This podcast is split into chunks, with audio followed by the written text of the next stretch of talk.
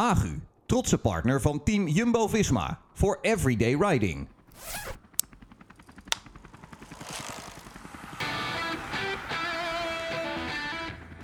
Het is medio februari op Tenerife vanaf de westelijke Sahara zo'n 500 kilometer de oceaan in. Beneden is het 26 graden en ligt de zee, maar beneden is ver weg. Klim 42 kilometer over strak kronkelend asfalt omhoog door deze laat landschap en je staat bovenop de vulkaan El Teide. En net op het moment dat je zeker weet dat er in de wijde omtrek helemaal niets meer is, zie je rechts van de weg op ruim 2100 meter hoogte ineens een kapelletje en een hotel. Parador. Solitair in de wildernis. Vanaf deze plek komt de eerste Everyday Riding podcast van Team Jumbo-Visma. Met, niet de minste, aan tafel Steven Kruiswijk en Stef Clement. Groenewegen komt eraan en Groenewegen is er voorbij. En Groenewegen gaat het redden. Ja, hij doet het. Steven Kruiswijk, hier. Ha. Kijk eens naar dit gezicht. Stoïcijns. Roglic crosses the line victorious, takes a stage win to add to what could possibly be a podium finish by the end of this. We gaan alles horen over het leven van de vier mannen op de vulkaan. Steven Kruiswijk, Primoz Roglic, Laurens de Plus en Antoine Tolhoek. Die straks nog aan het woord komt met een bizar verhaal. Ineens was hij blind, een ooginfectie. Ieder uur, dag en nacht, liet hij zijn ogen druppelen door zijn lieve moeder. En zo kwam het goed. Maar eerst de vulkaan. Hier geldt het adagium, de fiets en verder niets. Steven, hoe zou jij deze plek willen omschrijven? Um, omschrijven kort, denk ik uh, hoog, saai. Um, maar voor ons eigenlijk het belangrijkste trainen, rusten, slapen, eten. Dat is het voor ons. Het is wel, het is een mooie plek hoor, uh, daar niet van. Maar het is wel echt, uh, ja goed, je zit hier twee, twee weken hoog op een berg. En uh, zonder iets in de omgeving eigenlijk. Ja, bedoel, je moet minstens een half uur rijden tot het volgende dorp. Dus er is weinig te beleven. Maar voor een wielrenner zoals, zoals ik, zoals wij zijn, is dat ideaal eigenlijk om, om jezelf voor te bereiden. Saai de beste omschrijving? Ja, saai. Uh, kijk, Steven is hier natuurlijk al meerdere keren geweest. We zitten aan de voet van de vulkaan. Er is één hotel uh, op deze vlakte. Als je s'nachts bent, komen er een paar bussen omhoog. Die mensen vinden het prachtig. Sterrenhemel, zoals we hem thuis nooit kunnen zien. Maar ja, na een week of twee, dan heb je dat ook wel onder de knie. En dan is er voor de rest weinig te beleven. Er is geen bakkertje, er is geen cafeetje. Het is inderdaad verlaten en in het niets. Er is een kabelbaantje. Die is er, zeker. Ben je daar en, geweest? ik ben er eens een keer geweest. Samen met uh, 380 andere bejaarde toeristen in de rij staan om een keer omhoog te gaan. En dat is leuk voor een keer, maar uh, wat Stef zegt, ik ben hier al vier of vijf keer geweest. En uh, heb ik het bij die ene keer gelaten, want ja, daar een beetje in de rij staan om een keer omhoog te gaan. Waar je eigenlijk hetzelfde uitzicht hebt als op de rest van het eiland als wij rondfietsen. Je gaat van kunnen... een bergstenen naar, naar een bergstenen. Ja, dus, uh, eh, dus het is leuk voor één keer. Is dit de, de mafste plek voor een hoogtestage? Sierra Nevada heb je nog een dorpje? Mm, nou, mafste plek. Uh, het, is denk ik wel de meest speciale plek. Uh, ik bedoel, je zit toch op een vulkaan. Ook als je hier s'avonds uh, buiten staat, je voelt je redelijk eenzaam. Jij hebt het ooit in Liechtenstein heel gek meegemaakt. Ja, ik heb het nog een beetje bonter gemaakt. En ik weet nog dat uh, de jongens van uh, toen nog uh, Team Lotto Jumbo hier toen ook waren. En toen stuurde ik foto's vanaf mijn hoogtestage in Sentis. Dat is een meteorologisch centrum in Zwitserland, vlakbij de grens met Liechtenstein. Dan moest je vanaf 1600 meter met de telecabine moest je omhoog naar 2500 meter. En dat was s'avonds tussen half acht s'avonds en acht uur s ochtends was daar voor de rest niemand anders dan ik. En dan moest ik door een halve meter sneeuw, moest ik via een tunnel naar een restaurant aan de andere kant van de top. Om wat te gaan eten in een berghut, alleen aan een tafeltje. En dan weer terug en dan wachten totdat het verse brood ochtends met de eerste gondel omhoog kwam. Als daar je blinde darm scheurde, had je, had je pech. Ja, dan, nou, als daar ook maar iets gebeurde, dan had je inderdaad heel veel pech. Maar uh, dat was denk ik de meest uh, bizarre plek die ik heb meegemaakt. Alleen uh, het, hoogte, het hoogte idee is natuurlijk ook wel dat je in een soort van totale uh, afzondering komt tot een bepaalde focus. En uh, dat is op al die plekken wel, wel te bereiken. Want wat doe je na het trainen? Mm, ja, weinig. kijk, het, het, is, het is gewoon. Het is ook een beetje de bedoeling dat je hier optimaal voorbereidt op, op de komende koersen. En hè, wat ik net ook al zei, het is eigenlijk vrij saai. Na een paar dagen heb je die omgeving wel gezien je loopt niet even het dorp in om even gezellig wat te drinken. Gelukkig ben je hier met de ploeg. Dus eh, je hebt genoeg eh, met elkaar om een beetje te ouwe hoeren. Maar ja, de rest van de dag, eh, ja, dan zit je ook een beetje op je kamer. Je, kijkt een filmpje of je leest een boek. eh, je hebt een keer een massage. Nee, ik ben niet van de PlayStation eh, generatie, denk ik. Maar eh, ja, dat kan ook. Klopt het verhaal dat eh, een van jullie teamgenoten eh, vorig jaar een 60-inch tv-scherm liet bezorgen door de lokale mediamarkt om, eh, om zijn PlayStation eh, aan te kunnen laten sluiten? Ja, dat eh, klopt, ja. Dat, eh, nou, volgens mij zijn ze ze nog wel zelf gaan halen. Zover eh, gingen ze nog wel. Maar eh, die eh, vond de tv op de hotelkamer wat klein, wat ook zo was. Nou, dan doe je daar wat aan, hè, om de dagen te Dat vullen. was er een uit de eh, PlayStation-generatie. ja, nou waarschijnlijk. goed. Het was best, eh, best gezellig en eh, leuk om te zien hoor, dat die mannen zich zo eh, bezighouden. En eh, ja, goed, eh, iedereen heeft zijn eigen invulling natuurlijk. En eh, ik denk dat vooral eh, de bedoeling is dat je het niet tegen gaat staan. Zeker, je weet gewoon dat je 2,5 weken eh, minimaal op hoogte zit en, en, eh, en je daar bezig bent met, eh, met een klein clubje. Dus eh, ja, je gaat wat, eh, wat eh, activiteiten vinden en, eh, en benutten om, eh, om bezig te zijn. eh, want anders wordt het wel een lange periode.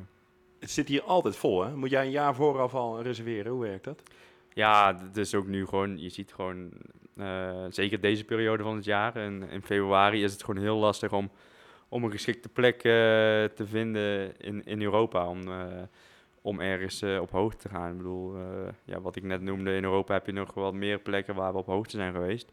Maar in februari is het daar gewoon nu volop skiseizoen. En, eh, ja, en hier is het enige plekje wat, eh, wat goed weer heeft. En ehm, dat weten alle ploegen. Dus je zit hier ook gewoon met... eh, ja, de, Nibali, Tom Dumoulin zit hier.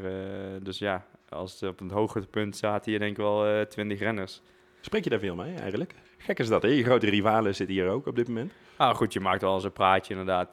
zeker met Tom of, of Wilco. dat zijn de Nederlanders, die ken je goed. Ja, daar maak je wel een praatje mee. Die Alleen, kom je eh, straks in de Tour eh, wellicht weer tegen. Kan Ja, je hier zit- afspraken maken misschien? Ja, we hebben echt al heel het plan uitgerold hier eh, van A tot Z. Dus eh, ja, Tom mag tweede, ik ga winnen. En het is nou, duidelijk. Mooi stukje rivaliteit. Een paar jaar geleden zaten we dus hier.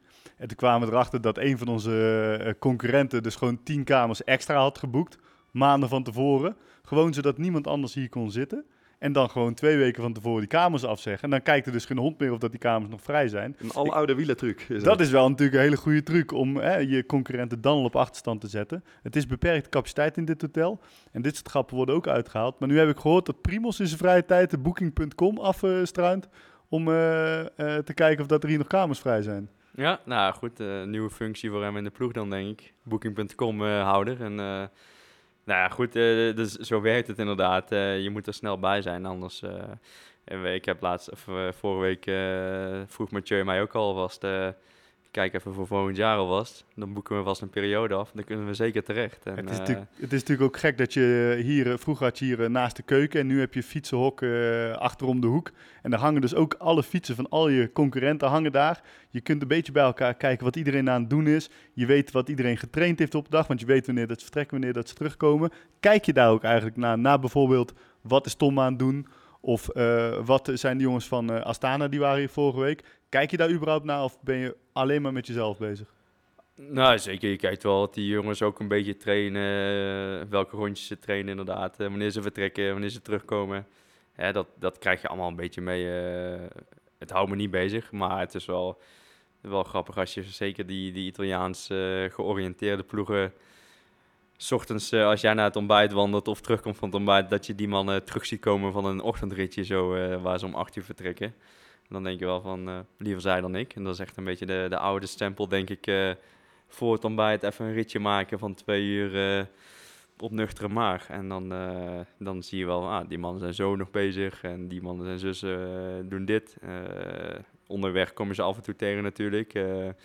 Ja, dan ga je een beetje vergelijken wat wij aan het doen zijn natuurlijk. En eh, het zijn toch de concurrenten en je wilt bezig zijn en je wilt...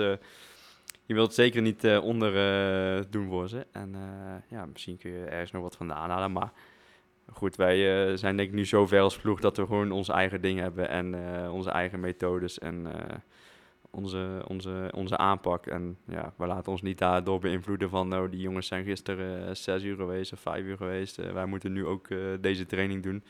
Ja, zo werkt het ook niet meer. Wij, eh, we weten wat te doen, dus dat eh, houden we zo. Stef, kun jij voor de lekende liefhebber in drie zinnen uitleggen wat nou het effect van de hoogtestage is? Nou, op hoogte is er eigenlijk eh, minder zuurstof in de lucht. En door hier te trainen en hier eh, eh, daar drie weken te zijn, leer je je lichaam om zich aan te passen aan dit zuurstoftekort. Waardoor je op zeeniveau meer zuurstof tot je beschikking hebt in je spieren. En als er meer zuurstof is, is er meer verbranding. Jij bent nog kopman. Jij was zijn luitenant, Stef. Hoe vaak hebben jullie samen een hoogtestage gedaan hier? Hier. Ja, één keer maar volgens mij. Ja, één, Nee, twee één- keer. Twee keer denk ik. Ja. Konden jullie elkaar vinden in het extreem gedisciplineerde? Ja, ik denk het wel. Ik denk wel dat we echt, eh, eh, als we gefocust waren, echt allebei gefocust eh, waren. En ja, voor mij ehm, was het wel eh, heel, heel, heel prettig. Kijk, eh, uiteindelijk eh, was ik of ben ik de kopman en ik moest voor het resultaat zorgen. En Stef was daar een belangrijke steun in, eh, die niet alleen in die wedstrijden zeg maar eh, vol 100% inzette.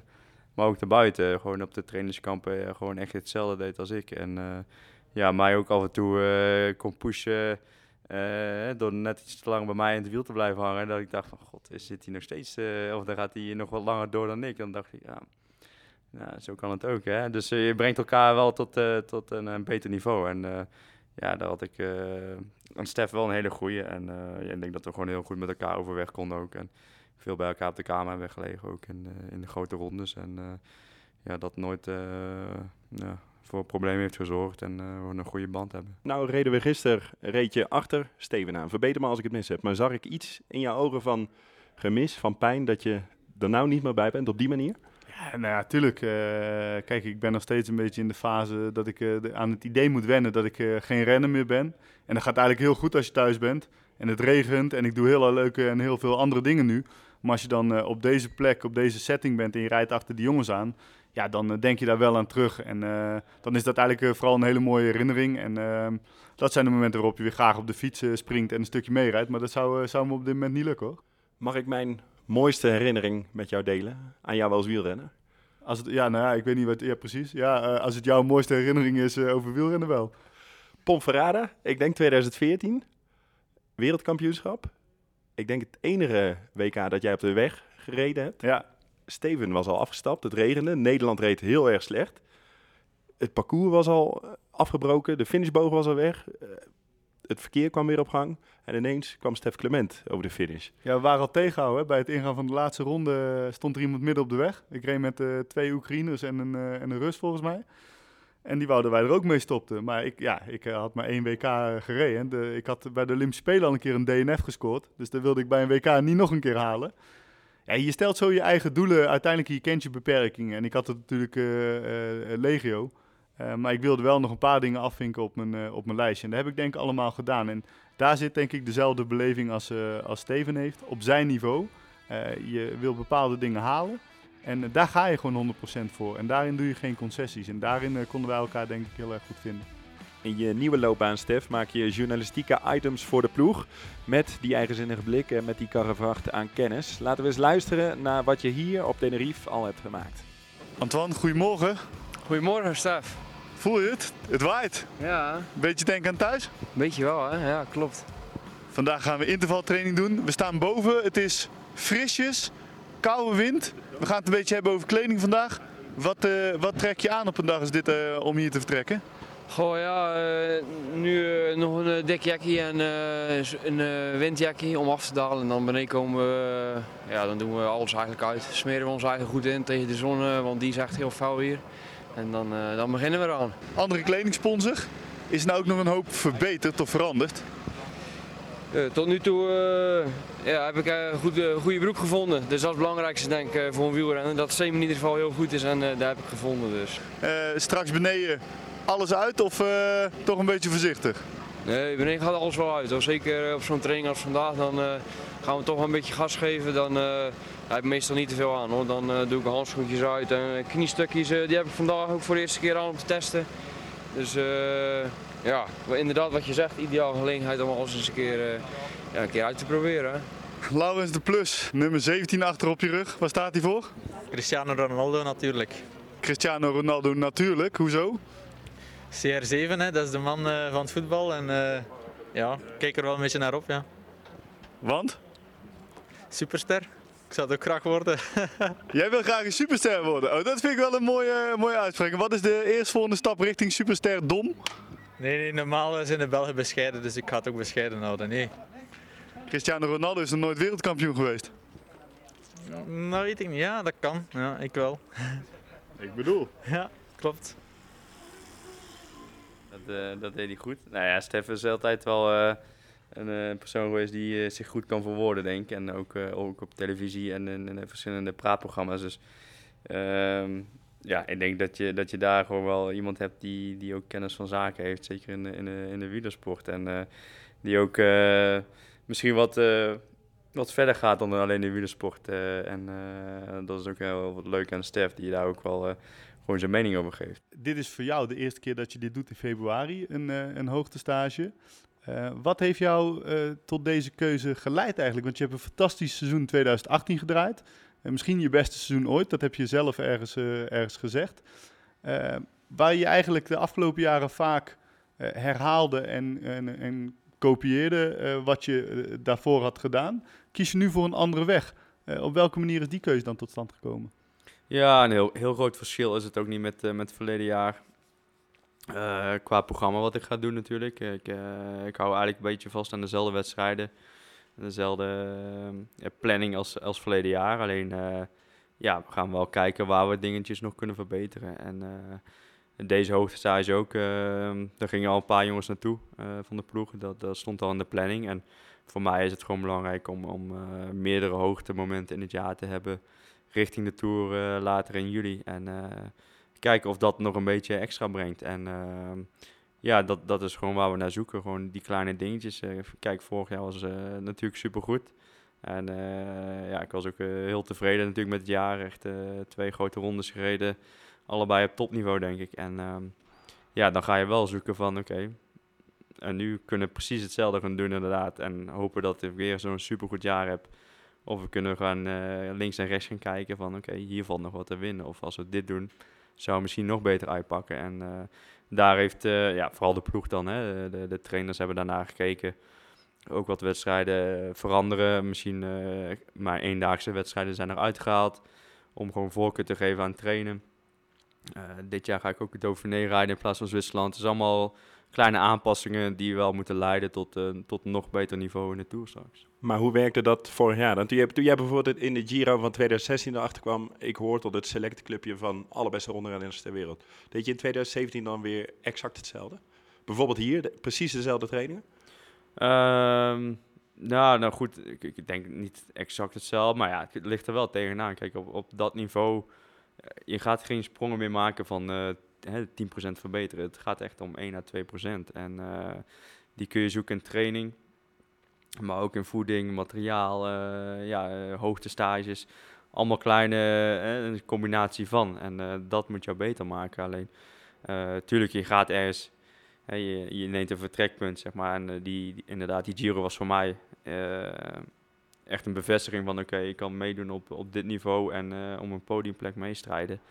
En dan ga je daar wel... Dat is dan het vertrekpunt van... oké, dit hebben we toen gedaan om dit niveau te bereiken. Eh, laten we eens kijken wat we nog meer kunnen doen. En nog beter eh, op sommige aspecten... om nog meer eh, profijt te halen. En...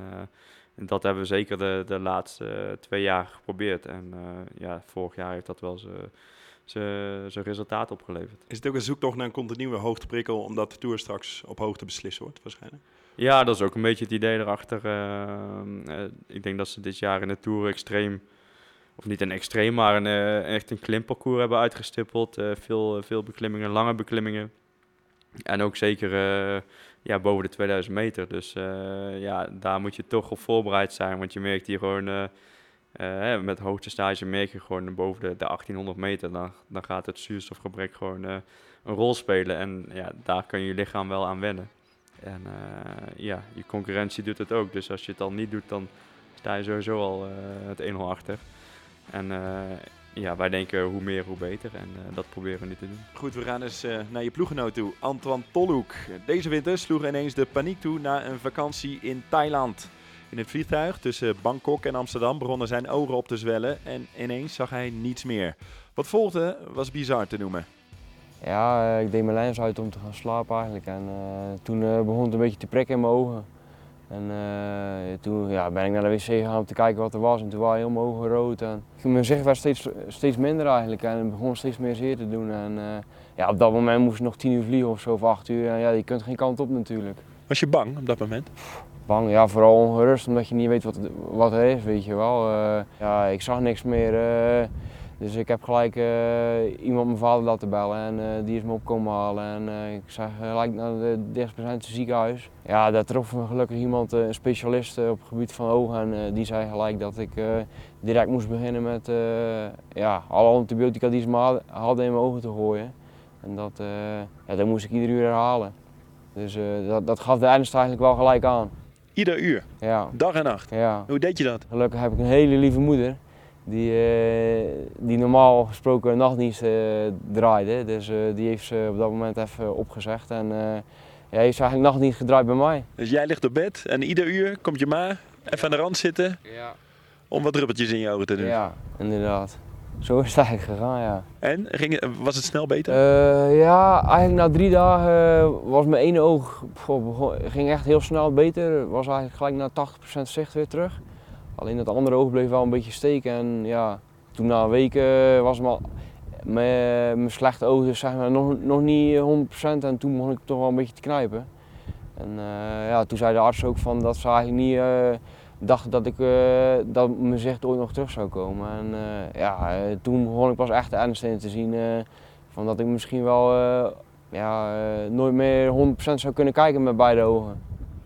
Een wielrenner, die heeft zijn ogen nodig hè? Dat is Ja. belangrijk in jouw beroep. Ja, zeker. En eh, op dat moment denk je eigenlijk nog niet eens aan het fietsen, maar denk je eigenlijk gewoon aan, ja, aan het normale leven. Het zijn je ogen en eh, ja, met dat neem je eigenlijk alles waar. En eh, ja, dat was wel even, even stress. Ja, wat, als je, wat je zegt, als, als, als beroepswielrenner heb je een paar dingen waar, wat gewoon goed moet zijn. Dat zijn je ogen en je oren. En zonder dat kun je sowieso niet functioneren op de weg of, en zeker niet in een peloton. Dus dat is natuurlijk super, eh, super belangrijk. Dus alleen, eh, ja, weet je, eh, ik ben gewoon heel blij dat het, dat zo is gelopen. Dat mijn moeder ja, heel consequent is daarin geweest. En ja, dat het gewoon zich uit, zichzelf gewoon heel erg goed hersteld heeft. En dat, dat die artsen daar gewoon heel, heel snel bij waren. Toen een week of vier later, toen had ik dus weer gewoon prima zicht. En toen zag ik dus iemand lopen met zo'n glazen oog. Ja, dan krijg je de rilling over je lijf natuurlijk. Van shit, dat had ik ook kunnen hebben. Eh, ik heb me eh, toch wel eh, wat minder goed gevoeld, ja. Sinds dat ik gestopt ben gaat het trainen ook een stuk beter en herstel ik ook gewoon een stuk beter. En, ja, dat is, ja dat, is wel, dat is wel lekker. Hoe groot was de achterstand? Ja, het gaat gewoon steeds beter. Ik herstel goed en de trainingen gaan steeds beter. En, ja, het gaat steeds makkelijker. Ik bedoel, een week of vier terug was ik helemaal naar de kloot als ik drie uur fietste. En gisteren hadden we zeven uur gereden en voelde ik me eigenlijk nog best goed. Dus ja, in dat opzicht eh, zie je ook gewoon dat, je, dat een gezond lichaam gewoon veel aan kan. En eh, ja, op dit moment heb ik het idee dat, het- dat mijn lichaam weer gezond is, dus dat is goed. Het is nog even tot jouw hoofddoel, mij, de Giro. Je zit hier ook met Primoz Roglic. In hoeverre trek je hier al naar hem toe? Omdat je weet van nou, ik moet straks zijn luit- luitenant zijn in, in Italië. Ja goed, we hebben het natuurlijk wel over, over de Giro eh, en over de ritten die, die, die, komen gaan. En ja, net als gisteren, dan, laatste uurtje, dan zei je nog eens een keer tegen elkaar van hey, laatste week in de Giro zit ook een paar lange ritten. We rijden nog even een uurtje door. In plaats van dat je langs het hotel komt en denkt van eh, ik taai hem af joh. Ja, je doet het toch samen en eh, ja, die, die band moet toch ook een beetje groeien. Af en toe dan eh, word je wakker of zo en heb je zere poten en dan denk je van, goh, was toch een zware training gisteren. Maar als je dan denkt van, ja, weet je, twee maanden terug lag ik op bed en maakte ik me druk over dat ik nog bijna niets kan zien, dan, dan, ja, dan is het allemaal relatief hè. Agu is de kledingpartner van Team Jumbo-Visma. Elk kledingstuk is samen met de ploeg ontwikkeld voor optimale prestaties onder alle weersomstandigheden. De innovaties voor Team Jumbo-Visma vinden hun weg naar verschillende Agu-collecties. De Agu-producten zijn dus voor iedereen beschikbaar. Onze producten zijn onder andere te koop in de webshop op agu.com. Agu for everyday riding. Er zitten hier op de vulkaan drie man die dus naar de Giro gaan. Antoine Tolhoek, we hoorden hem net, Laurens de Plus. Zij gaan met Primoz Roglic mee naar Italië.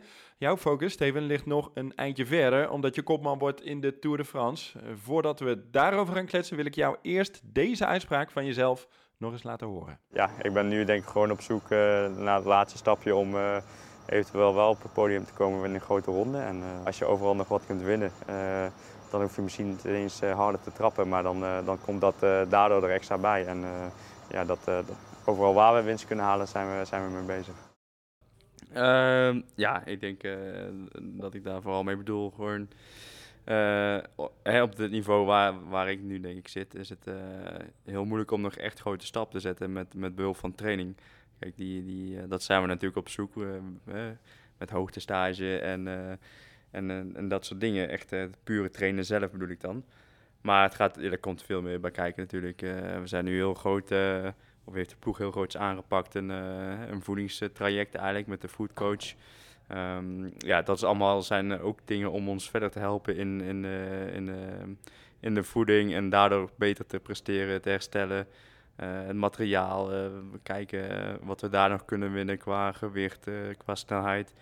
Dus dat zijn eigenlijk meer de, ja, de zaken die je niet direct in de hand hebt, maar dat het echt vanuit de ploeg komt om die aan te pakken en, uh, en daar, daar je winst te halen zonder dat je zelf echt, echt, echt harder gaat trappen en toch wat sneller wordt. En ehm, ja, da daar ben je gewoon constant naar op zoek. Er zijn zoveel ontwikkelingen. Kijk, met voeding zijn we al best wel lang bezig ook. Maar ook sinds, sinds vorig jaar zijn we ook met, met Asker Jeukendrup samen gaan werken. En die zegt ook, ja, het blijft constant vernieuwen. Er komen ook weer oude dingen terug die met studies weer bewezen zijn dat ze wel weer helpen.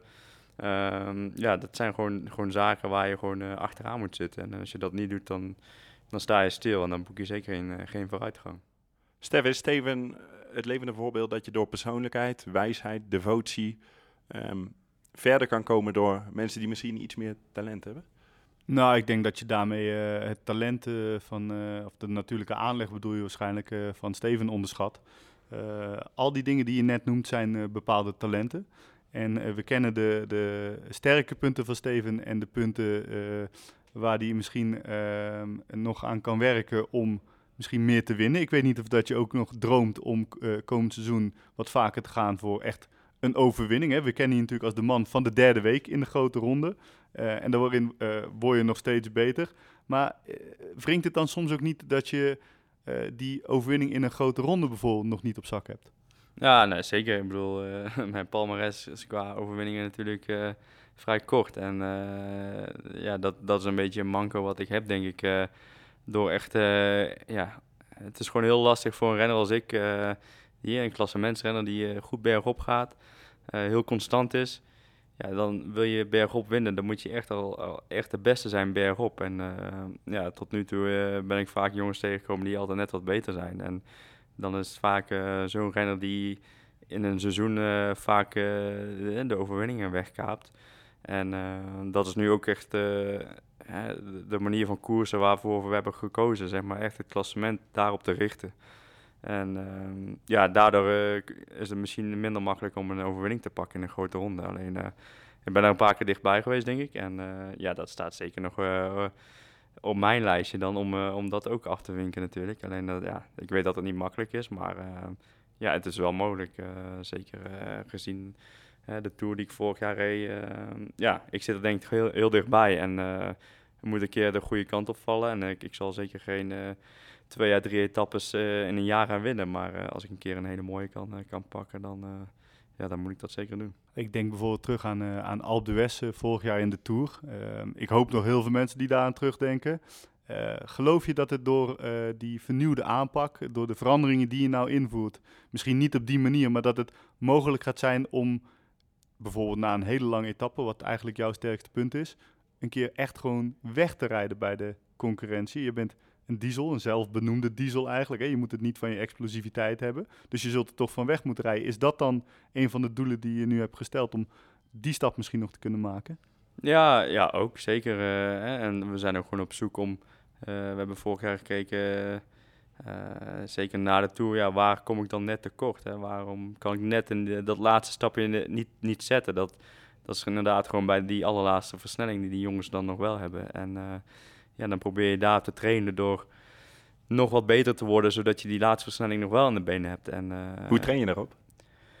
Ja, dat is eigenlijk gewoon vooral heel hard, eh, heel hard fietsen. Net zo eh, hè, dat je dat wat langer vol kan houden. En met bepaalde trainingsvormen. ehm, ik probeer dat wat uit te breiden. Zeg maar. Nu was ik vaak. ik ben vijfde geëindigd in de tour. En dan was ik denk ik ook de vijfde man bergop ongeveer. En dan, ja, dan zit je er net telkens wat achter. En eh, je probeert dus die stap te zetten. Dat je ook gewoon, wanneer die jongens in de laatste kilometer van een klim, eh, een finale klim, nog een keer aangaan door dan ook weer mee te kunnen en, eh, en dan zelf eens een keer misschien te, te kunnen demareren. En dat is die stap die ik hopelijk eh, nog kan zetten. En ehm, ja, op die manier eh, een keer kan gaan winnen. En, eh, maar ja, aan de andere kant, ik, ja, eh, ik ga dit jaar ook weer de Vuelta rijden. En eh, vorig heb ik voor gekozen om ook daar een klassement te proberen te rijden. Dus dan rij je altijd wat eh, meer conservatief. Ja, misschien moet je eh, dat een keer laten varen en eh, echt puur gaan richten op, op de ritten. En, zodat je wat meer vrijheid krijgt. Alleen, ja, dat, dat is wat voor later. Maar ehm, ja, we proberen er alles aan te doen om het natuurlijk wel een keer het zegengebaar te gaan maken. Weet je wat interessant is bij jou? Dat jij, jij koerst op intuïtie, maar daaronder ligt een basis van een trainerschema wat van Zwitserse precisie, volgens mij. Heb ik het juist? Ja, nou, ik- zeker. Ik denk dat ik wel... Je heel- weet heel goed wat je doet en waar je mee bezig bent. Ja, ja, ik denk wel dat we... eh, eh, Marijn, die, die is mijn coach, mijn trainer. En die, eh, die weet ook hoe ik graag werk. En dat is inderdaad eh, gewoon heel schematisch. En, en, en weten wat voor training ik doe, waarom ik ze doe.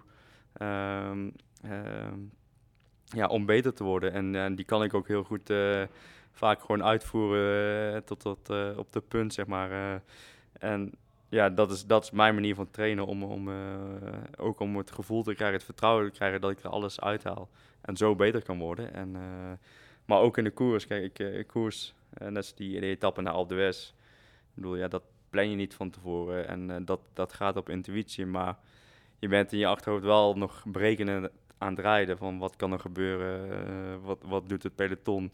Het is niet zo dat ik dan maar denk van oké, ik ga er nu vandoor. Alles eh, volle bak en eh, we zien wel. Ja goed, eh, uiteindelijk was het volle bak, maar nog wel met een idee van oké, ik moet hier tijd pakken. Want daar gaan ze terugkomen. En ja, uiteindelijk kwam ik net tekort natuurlijk. Maar ja, dat is wel een, een berekende manier van rijden uit, uiteindelijk geweest. En ja, dat is wel mijn manier van, van doen. Ben dan ook wel benieuwd naar die exacte schema's waarmee jij dan hier aan het trainen bent. En ja, wie kan je dat dan beter vragen dan de trainer die mee is? Dat is Mark Lamberts. Uh, we proberen zoveel mogelijk te variëren uh, op hoogtestage. Dat betekent uh, dat we de eerste vier dagen proberen goed te acclimatiseren aan hoogte. Een dag of twee, drie echt weinig en rustige trainingen, dan een hersteldag.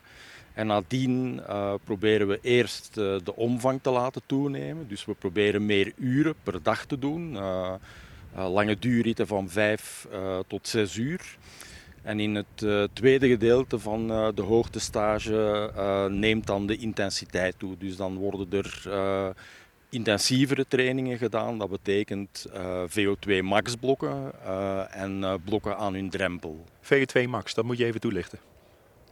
Wel, dat zijn redelijk korte blokken, meestal tussen de 10 en de 15 minuten, waar ze bijna blok gaan.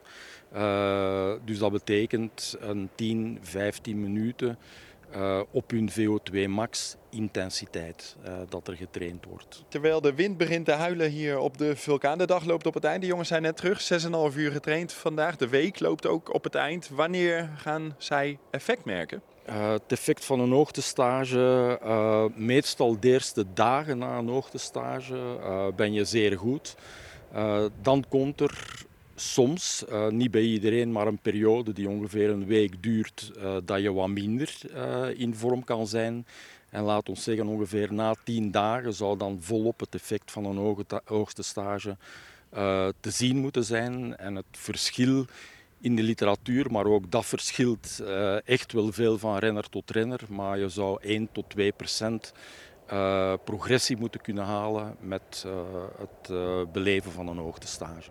En zo wordt wielrennen toch steeds meer wiskunde en misschien wel steeds meer abracadabra. Zijn er, Steven, nog jongens in het peloton die de meer romantische aanpak hebben? Die zeg maar de fiets pakken, ja, telletje thuis laten en gewoon de natuur intrekken? Nou, ik, denk, ik denk wel dat wij eh, als ploeg wel... eh, ik, ik heb eh, eigenlijk geen ervaring bij andere ploegen, moet ik zeggen. Maar eh, wel echt eh, heel ja, gedetailleerd en ook wel misschien een beetje de wet- wetenschappelijke kant op gaan. Alleen ik denk dat dat niet helemaal nieuw is in de wielrennen. Als je ziet met Sky, de echte topploegen.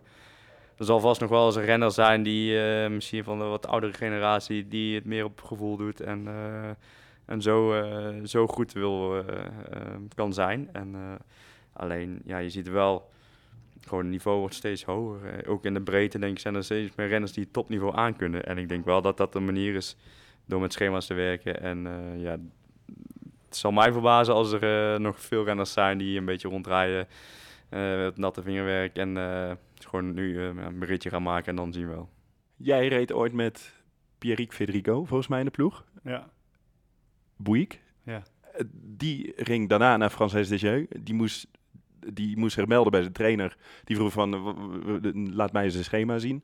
Hij zei, ja, als het regent train ik niet. Als het, eh, ik heb niet eens een teller. Als het lekker weer is, ga ik fietsen en ik voel me goed. Ja, En- er zullen waarschijnlijk nog wel renners zijn die zo, eh, die zo werken en die eh, buitengewoon veel natuurlijke aanleg hebben. Die, die, die winnen misschien nog een koers of twee op een jaar. Pierre Riek was buitengewoon getalenteerd wat dat betreft. Dat hij ook altijd in juli goed was. En dan ging hij in augustus ging die, fiets aan de haak en dan ging hij jagen. Ehm, ik zat te luisteren naar wat Steven zei en wat jij zei. En eh, eh, het is, eh, ik heb Steven vooral leren kennen als een heel zelfbewuste renner. Dus hij volgt niet domweg het schema. Hij luistert naar zijn lichaam tijdens het uitvoeren van het schema en weet wat hij kan. En ik heb ook dagen meegemaakt dat we bijvoorbeeld samen op hoogte waren, dat we iets moesten doen en dat het gewoon niet ging. En dan is Steven dus juist heel goed in zijn eigen keuzes maken. En zo rijdt hij ook zijn wedstrijden. Ehm, hij luistert naar zijn lichaam terwijl hij iets aan het doen is en is eh, heel bewust eh, van zijn keuzes. Ik kan me nog de eh, etappe herinneren in de Giro over de Stelvio. Toen stond je ook kort in het klassement. Je zag een mogelijkheid. Je ging op de Motirolo, ging je er van tussen. Het is ook een bepaalde intelligentie natuurlijk die wordt gevraagd van een renner om dat schema, die kennis, die kracht zo te kunnen beoordelen bij zichzelf en daar wat mee te doen. En ik denk dat daar een heel groot verschil zit in, eh, in renners. Elke renner zal een schema krijgen aangeboden. Sommigen doen er niks mee, sommigen volgen het op de letter. En ik denk dat Steven eh, zo goed is geworden, omdat hij al, eh, ik heb hem in 2010 voor het eerst leren kennen, heel goed toen wist wat hij aan het doen is. En zichzelf aan het leren kennen was. En ik denk dat daar de winst ook zit. Als je veranderingen door, doorvoert en je staat erachter, dan voelt hij direct zelf wel wat hij daarmee kan. Goed, eh, we gaan er langzaamaan een eh, eind aan breien aan deze eerste Everyday Riding podcast. Hoe zien jouw komende weken eruit? Ik eh, blijf nog twee dagen hier, tot vrijdag. En dan ben ik een weekendje thuis en dan ga ik door naar Ruta del Sol voor, voor de eerste wedstrijd die volgende week dinsdag woensdag begint. En het feit dat jij nu op hoogte zit, betekent dat dat jij daar al goed kan zijn? Ik of is denk dat het meer wel. bedoeld voor Catalonië? Ja, eh, kijk, ik, eh, het is wel het begin van, eh, van het seizoen, eerste wedstrijd, dus het zal een beetje, een beetje afwachten zijn. En eh, de scherpte zal er nog wel inkomen met deze wedstrijd, maar ik denk dat mijn basisniveau al wel, eh, wel goed gaat zijn, dat ik daar eh, zeker in de lastige etappes me wel eh, van voren kan handhaven. Vorig jaar volgens mij ook eerste rondje Ruta del Sol, toen werd je zesde in het eindklassement, als ik me goed herinner. Ehm, ik denk dat, eh, wat ik heb eh, gezien de afgelopen dagen, dat hier een hele goede basis is gelegd. En dat ook het wielrennen van, eh, van vandaag niet meer gaat over de langzaam inkomen in, in de eerste wedstrijden. Deze jongens die trainen op een hoger niveau dan de meeste wedstrijddagen van ze vragen. Dus ik ga ervan uit dat die, dat die eerste pieken prima worden opgevangen door Steven. En dat het meer te maken heeft inderdaad met het ontastbare begrip vorm. En die vorm die zal groeien en die zal er op de, op de juiste moment wel uitkomen. Dankjewel jongens, het was gezellig. Mooi. Zo snel met eh, drie Brabanders aan tafel. En Groenewegen gaat het redden. Ja, hij doet het. Steven Kruijswijk, hier. Ha. Roglic crosses the line victorious, takes a stage win. Deze podcast werd mede mogelijk gemaakt door Agu, trotse partner van Team Jumbo-Visma voor Everyday Riding.